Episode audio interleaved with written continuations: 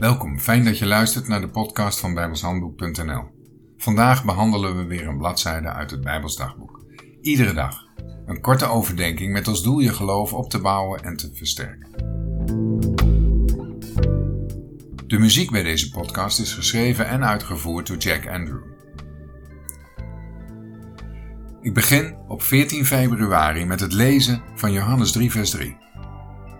Jezus antwoordde en zeide tot hem: Voorwaar, voorwaar zeg ik u, tenzij dat iemand wederom geboren worden, hij kan het koninkrijk Gods niet zien.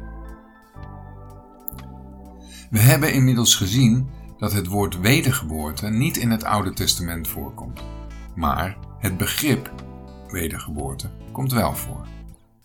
En als het woord wedergeboorte toch voorkomt, dan is het als de plaatsnaam namelijk Gilgal. En dit wordt meestal vertaald met rat of wiel, of met het werkwoord wentelen of draaien.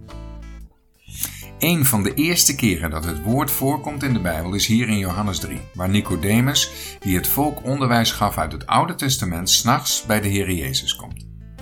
Hij had gehoord over de Heer Jezus en waarschijnlijk zelf ook de tekenen en wonderen gezien die de Heer Jezus deed. Hij wist uit het Oude Testament dat de Heer de Messias kon zijn zoals die beschreven was in het Oude Testament. Jezus antwoordde en zeide tot hem: Zijt gij een leraar van Israël en weet gij deze dingen niet? Johannes 3, vers 10. De Heere Jezus verwijt Nicodemus dat hij niet weet wat de wedergeboorte is. Maar kon hij dat dan weten? Het woord was hier voor het eerst gebruikt. Als leraar of voorganger van het volk werd van hem verwacht het begrip wedergeboorte wel te kennen. Zoals we dat ook gezien hebben in de voorgaande studies, waar het ging over de wedergeboorte van Israël. Voorwaar, voorwaar zeg ik u, wij spreken wat wij weten en getuigen wat wij gezien hebben. En gij leden neemt onze getuigenis niet aan. Johannes 3 vers 11. De Heer verwijt het Nicodemus, maar richt zich over het hoofd van hem tot het gehele volk, dat zij zijn getuigenis niet aannemen.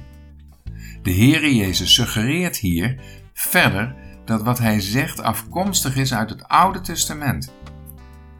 Dit had Nicodemus dus kunnen weten, als hij de schriften goed had bestudeerd.